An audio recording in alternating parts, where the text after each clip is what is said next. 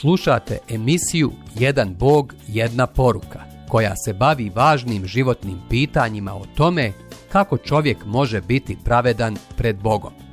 Ako imate bilo kakvih pitanja ili komentara vezano za današnju emisiju, na kraju emitovanja ćete dobiti informacije kako nas kontaktirati.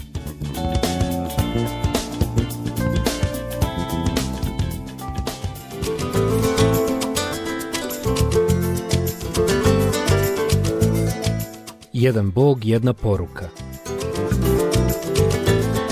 29. poglavlje Faza 3 Božiji program budućnosti A Bog, izvor mira, satrće ubrzo Sotonu pod vašim nogama. Rimljanima poslanica, 16. glava, 20. stih.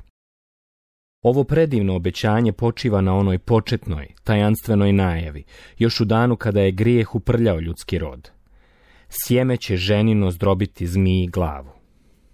A kada gospodar i stvoritelj svemira nešto obeća, onda to svakako i bude ispunjeno, ali uvijek samo onako i onda kada je on to sam odredio. Poništavanje prokledstva. Treća faza. Kada je došao prvi put, Mesija je obećao poraz Sotone time što je platio cijenu koju su zahtijevali naši grijesi. Zato za sve vjerujuće pakao više nije sudbina. Nama je nebo vječno odredište. Zato je i omiljeno sotonsko oružje, smrt, izgubilo svoju žaoku. Riječju, posljedice grijeha, njegova kazna je ukinuta. Nakon što se gospod Isus vratio na nebo, Poslao nam je duha svetog, pomoćnika koji osnažuje njegov narod da nadvlada uticaje Sotone u svakodnevnom životu, mijenjajući ih u Kristov lik. Dakle, ukinuta je, poništena je snaga grijeha. Ali samo kada se Isus vrati na zemlju, sasvim će poraziti Sotonu i konačno osloboditi svoj narod od prisustva grijeha. Stvarnost koja dolazi Kao što su Božiji proroci predvidjeli Mesijin prvi, tako su predvidjeli i njegov drugi dolazak. I kao što se sa prvim dogodilo sve kako je rečeno, tako će biti i s njegovim drugim dolaskom.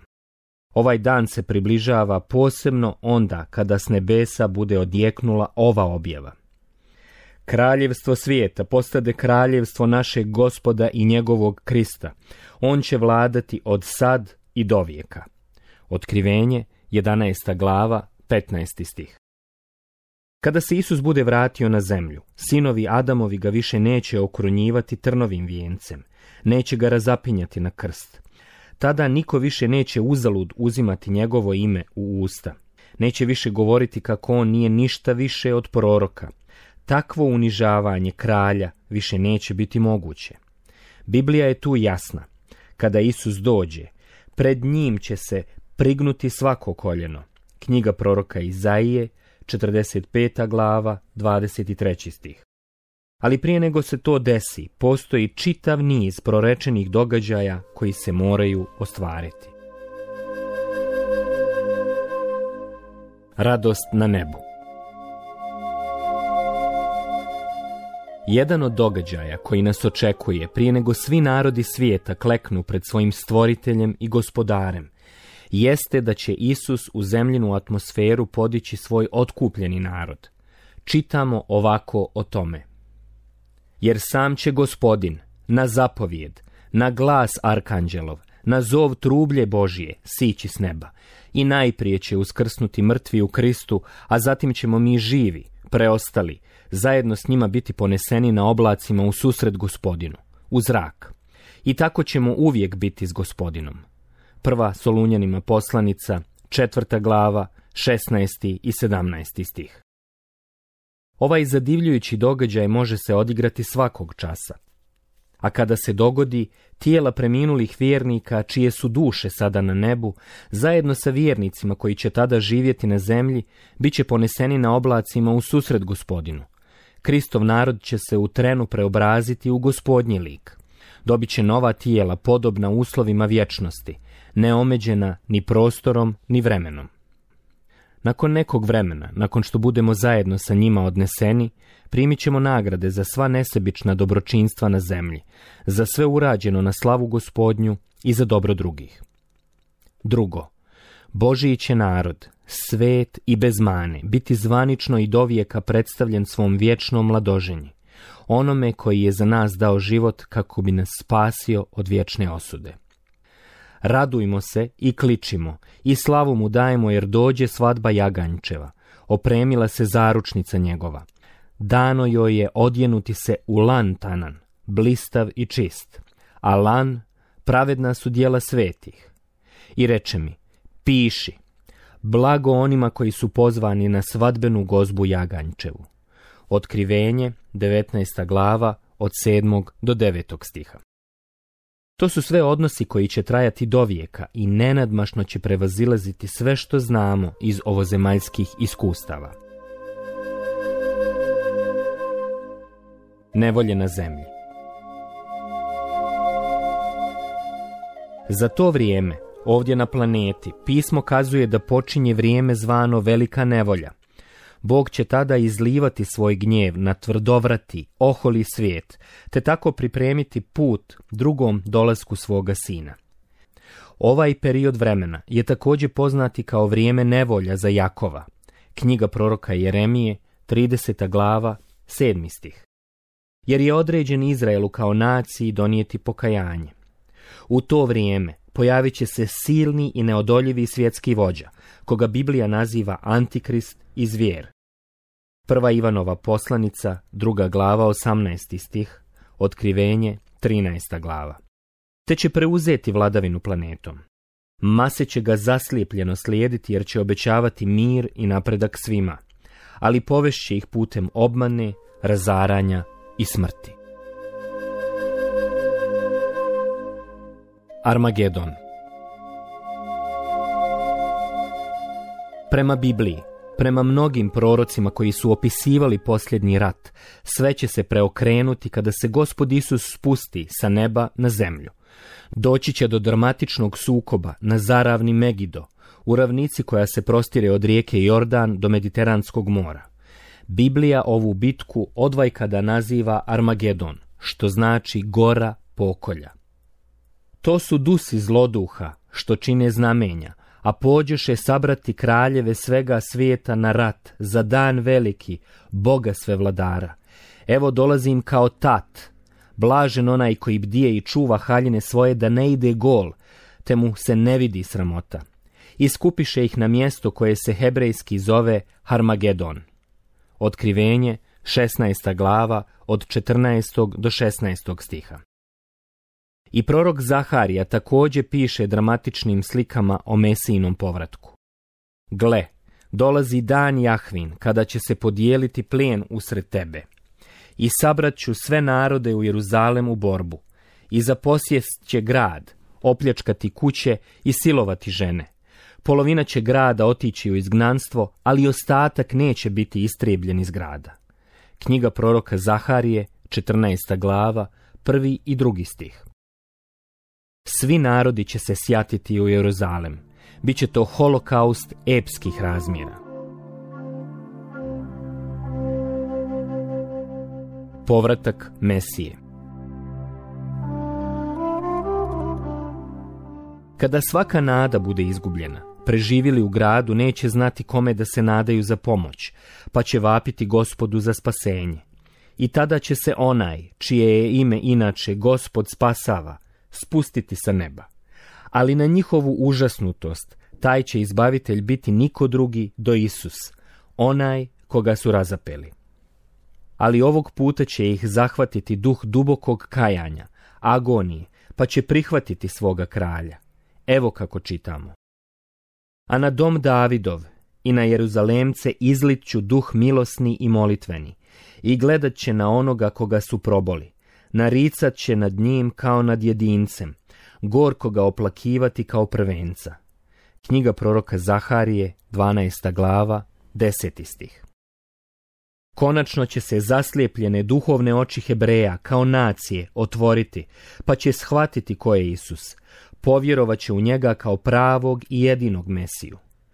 Potom će doći do ratnog sukoba kakav istorija svijeta ne bilježi. Naime, Isus, koji je sam riječ, samo će progovoriti i svi će se neprijatelji naprosto rastopiti. Tada će Jahve izaći i boriti se protiv tih naroda kako on zna ratovati u dan ratni. Noge će mu u dan onaj stajati na gori Maslinskoj koja je nasuprot Jeruzalemu na istoku. I raskolit će se gora Maslinska po srijedi, između istoka i zapada, u golemu dolinu. A evo kojom će ranom Jahve udariti sve narode koji budu zavojštili na Jeruzalem. Meso će im se raspadati dok budu na nogama, oči će im trnuti u dupljama, jezik gnjiti u ustima. Biće to dan čudesan, znade ga Jahve, ni dan ni noć, i u vrijeme večeri bit će svijetlo, i Jahve će biti kralj nad svom zemljom. Knjiga proroka Zaharije, 14. glava, od 12. do 4. stiha, sedmi, deveti i dvanaesti stih. Na kraju, istinski Bog će primiti zasluženu slavu i čast. Povraćena vladavina Nekoliko decenija prije ovih zaharinih riječi, prorok Daniel je imao sličnu viziju. Gledah u noćnim viđenjima i gle, na oblacima nebeskim dolazi kao sin čovječi. On se približi pravednome i dovedu ga k njemu. Njemu bi predana vlast, čast i kraljevstvo, da mu služe svi narodi, plemena i jezici. Vlast njegova vlast je vječna i nikada neće proći. Kraljevstvo njegovo neće propasti. Knjiga proroka Danijela, sedma glava, 13. i 14. stih vidimo da se pojam vlasti i vladavine ponavlja tri puta. Kada je Bog sazdao muškarca i ženu, dao im je vlast nad svim živim što se miče na zemlji. Postanak, prva glava, 26. i 28. stih. Kada se čovjek pobunio protiv svog stvoritelja, tu je svoju vladavinu podredio Sotoni. Ali sve to, vlast, autoritet i kontrolu nad planetom, što je Adam kao prvi čovjek izgubio – Isus će kao drugi čovjek povratiti. Bog je Isusovom učeniku, apostolu Ivanu, dao sličnu viziju koja sasvim odgovara proroštvima Zaharije i Danijela. I vidjeh, nebo otvoreno, i gle, konj bijelac, a nanj sjeo on, zvani vjerni i istiniti, a sudi i vojuje po pravdi. Oči mu plamen ognjeni, na glavi mu mnoge krune nosi napisano ime kojeg nitko ne zna doli on sam. Ogrnut je ogrtačem krvlju natopljenim, ime mu riječ Božja. Prate ga na bijelcima vojske nebeske, odjevene u lan, tanan, bijel i čist. Iz usta mu izlazi oštar mač kojim će posjeći narode. Vlada će njima palicom gvozdenom. On gazi u kaci gnjevne srđbe Boga svevladara. Na ogrtač oboku napisano mu ime kralj kraljeva i gospodar gospodara. Otkrivenje, 19. glava, od 11. do 16. stiha. Kada se kralj kraljeva bude vratio na zemlju, pratit će ga nebeske vojske obučene u lanenu bjelinu. Biće tu nebrojni anđeli i otkupljeni Adamovi potomci. Sva ona slava i snaga za koje znamo iz Isusovog prvog dolaska biće blijeda slika neopisivog veličanstva koje će krasiti ovaj događaj. Vladavina neba u srcima. Kažite mi, šta biste radije bili da ste sami u šumi, lav ili jagnje?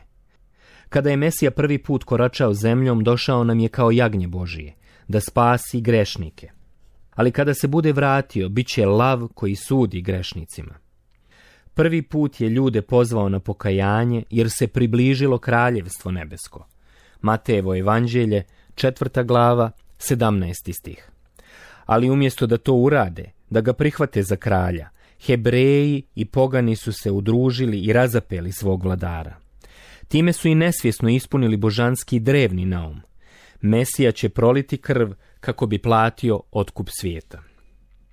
Dobra vijest je da od tada, koji god da se grešnik pouzdao gospoda Isusa i ono što je uradio za nas, Bog mu u srce piše svoje zakone i dovijeka ga usvaja u svoju porodicu. Znate li da je već sada svaki istinski vjernik u Kristu državljanin neba? Ovako čitamo. Naša je pak domovina na nebesima, odakle iščekujemo spasitelja, gospodina našega Isusa Krista, snagom kojom ima moć sve sebi podložiti, on će preobraziti ovo naše bijedno tijelo i suobličiti ga tijelu svomu slavnomu. Filipljanima poslanica, treća glava, 20. i 21. stih. Vladavina neba na zemlji Kada se Isus vrati na zemlju, Uspostavit će svoje kraljevstvo u Jeruzalemu, odakle će tokom čitavih hiljadu godina vladati nad svojom planetom. Na posljedku će doći njegovo vječno kraljevstvo, kada će se trajno uspostaviti njegova volja na zemlji, kakva je i na nebu. Matejevo evanđelje, šesta glava, deseti stih. Zlo se više neće trpjeti bilo gdje, u bilo kom narodu, jer će on nad svima vladati palicom gvozdenom. Otkrivenje, 19. glava, 15. stih. Mnogi ne vjeruju da će se božji sin tjelesno vratiti na planetu, ali Biblija jasno govori o tome. Kao što je prvi put došao glavom i bradom, kao što se tjelesno uznio na nebo nakon raspeća, u svom proslavljenom tijelu, takav će doći po drugi put među nas. Baš to su anđeli objasnili za bezeknutim apostolima onoga dana dok su zurili za njim dok se uznosio na nebo pred njihovim očima. I rekoše im, Galilejci, što stojite i gledate u nebo? Ovaj Isus koji je od vas uznese na nebo isto će tako doći kao što ste vidjeli da odlazi na nebo. Dijela apostolska, prva glava, 11. stih. Svezani Sotona Božja knjiga ima dosta pojedinosti o milenijumskoj vladavini Isusa Krista. Mi ovdje možemo samo da ih sažmemo u nekoliko osnovnih crta. Prvo, kada se Isus vrati na zemlju, svezat će Sotonu, koji je stara zmija, kako ne bi dalje zavodio ljude na putu propasti. Piše Ivan. I vidje anđela, siđe s neba s ključima bezdana i s velikim okovima u ruci. Zgrabi zmaja, staru zmiju, to jest đavla, Sotonu i okova ga za tisuću godina – baci ga u bezdan koji nad njim zatvori i zapečati da više ne zavodi narode dok se ne navrši tisuću godina. Nakon toga ima biti odriješen za malo vremena. Otkrivenje, 20. glava, od prvog do trećeg stiha. Sotona će biti svezan na hiljadu godina. Tada će se ostvariti ono što su anđeli pjevali u božićnoj noći. A na zemlji mir ljudima, miljenicima njegovim. Lukino evanđelje, druga glava, 14. stih. Bez djelovanja zloga sve će biti pod okriljem djelovanja dobrog Boga. Božja vladavina pravednosti postaće stvarnost, a to je nešto za čim svijet danas čezne. Sjetimo se kako piše prorok Daniel. U vrijeme ovih kraljeva, Bog nebeski podići će kraljevstvo koje neće nikada propasti i neće prijeći na neki drugi narod ono će razbiti i uništiti sva ona kraljevstva, a samo će stajati do vijeka. Daniel, druga glava, 44. stih. Istinska pokornost Prije skoro 3000 godina, kralj Salomon je pisao o Mesijinoj budućoj vladavini, kada će mu se pokoriti svi narodi i svaki pojedinac, iako danas mnogi tvrde kako su pokorni Bogu, tog će dana svi kleknuti pred Mesijom. U danima njegovim će pravda i mir velik, sve dok bude mjeseca, i vladat će od mora do mora i od rijeke do granica svijeta. Dušmani će njegovi predanj kleknuti i protivnici lizati prašinu. Kraljevi Taršiša i otoka nosit će dare vladari od Arabije i Sabe danak donositi. Klanjat će mu se svi vladari, svi će mu narodi služiti. On će spasiti siromaha koji uzdiše i nevoljnika koji pomoćnika nema. Smilovat će se ubogu i siromahu i spasit će život nevoljniku. Oslobodit će ih nepravde i nasilja, jer je dragocjena u njegovim očima krv njihova. Stoga nek živi, neka ga daruju zlatom iz Arabije, nek mole za njega svagda, i neka ga blagoslivljaju. Nek bude izobila žita u zemlji, po vrhuncima klas je neka šušti ko I cvjetali stanovnici gradova kao trava na livadi. Bilo ime njegovo blagoslovljeno dovijeka, dok je sunca živjelo mu ime. Njim se blagoslivljala sva plemena zemlje, svi narodi nazivali ga blaženim. Blagoslovljen Jahve, Bog Izraelov, koji jedini tvori čudesa, i blagoslovljeno slavno mu ime dovijeka. Sva se zemlja napunila slave njegove. Tako neka bude. Amen. Psalam 72. od 7. do 19. stiha. Dakle, ovaj psalam nam pruža jasan uvid u Kristovo buduće kraljevstvo, u kome će vladati od kraja do kraja svijeta. Savršena vladavina Mesija će se pobrinuti za siromahe i sve koji su u potrebi. Kakva je to suprotnost sa današnjim izopačenim sistemom u svijetu koji je pun nemira? Biće to prvi put, još od pada u grijeh, da će biti pravde i slobode doslovno za sve. Život svakog djeteta, žene i muškarca, bit će tretiran kao neprikosnoveno vrijedan. Oslobodit će ih nepravde i nasilja, jer je dragocjena u njegovim očima krv njihova. Mediji nas stalno obavještavaju o političkim i vjerskim vođama koji apeluju za mir, za pregovore, za razoružanje i slično, ali moći su im slabe i ograničene, te nisu kadri donijeti mir za koji se zalažu. Ali kada se vrati onaj kome su pokorni i vjetar i talasi, zemlja će se konačno radovati u istinskoj pravednosti, puna slave njegove. Svi su vladari prije ili kasnije skončali, i nema ih više. Ali ovaj kralj nad kraljevima vlada i živi vijeka. Zemlja će za vrijeme njegovog milenijuma procvjetati nestvarnim mirom i napretkom, jer će je voditi on, sin čovječiji koji je pobjedio i grijeh i smrt. Klanjat će mu se svi vladari, svi će mu narodi služiti. Psalam 72. 11. i 17. stih sam će gospod ovom napaćenom svijetu donijeti jedinu pravednu vladavinu koju će ikad ljudi vidjeti. A tada će s njim vladati samo otkupljeni potomci Adamovi, jer će imati svetu prirodu i sveta, proslavljena tijela. Mesijino kraljevstvo će biti oslobođeno svakog propadanja. Čitamo ovako. Blaženi svet onaj tko je dionik toga prvog uskrsnuća, nad njim druga smrt nema vlasti. Oni će biti svećenici Božiji i Kristovi i s njime će kraljevati tisuću godina. Otkrivenje, 20. glava, 6. stih. Do sada su sva uređenja svijeta podbacila. I monarhija, i totalitarizam, i autokratija, i demokratija. Ali Mesijina vladavina neće nikada. bit će savršena, jer je i on savršen. Hvala vam što ste slušali današnju emisiju. Kontaktirajte nas putem našeg e-maila putpravednosti.bih.gmail.com ili putem naše Facebook stranice Put pravednosti. Do sljedećeg slušanja.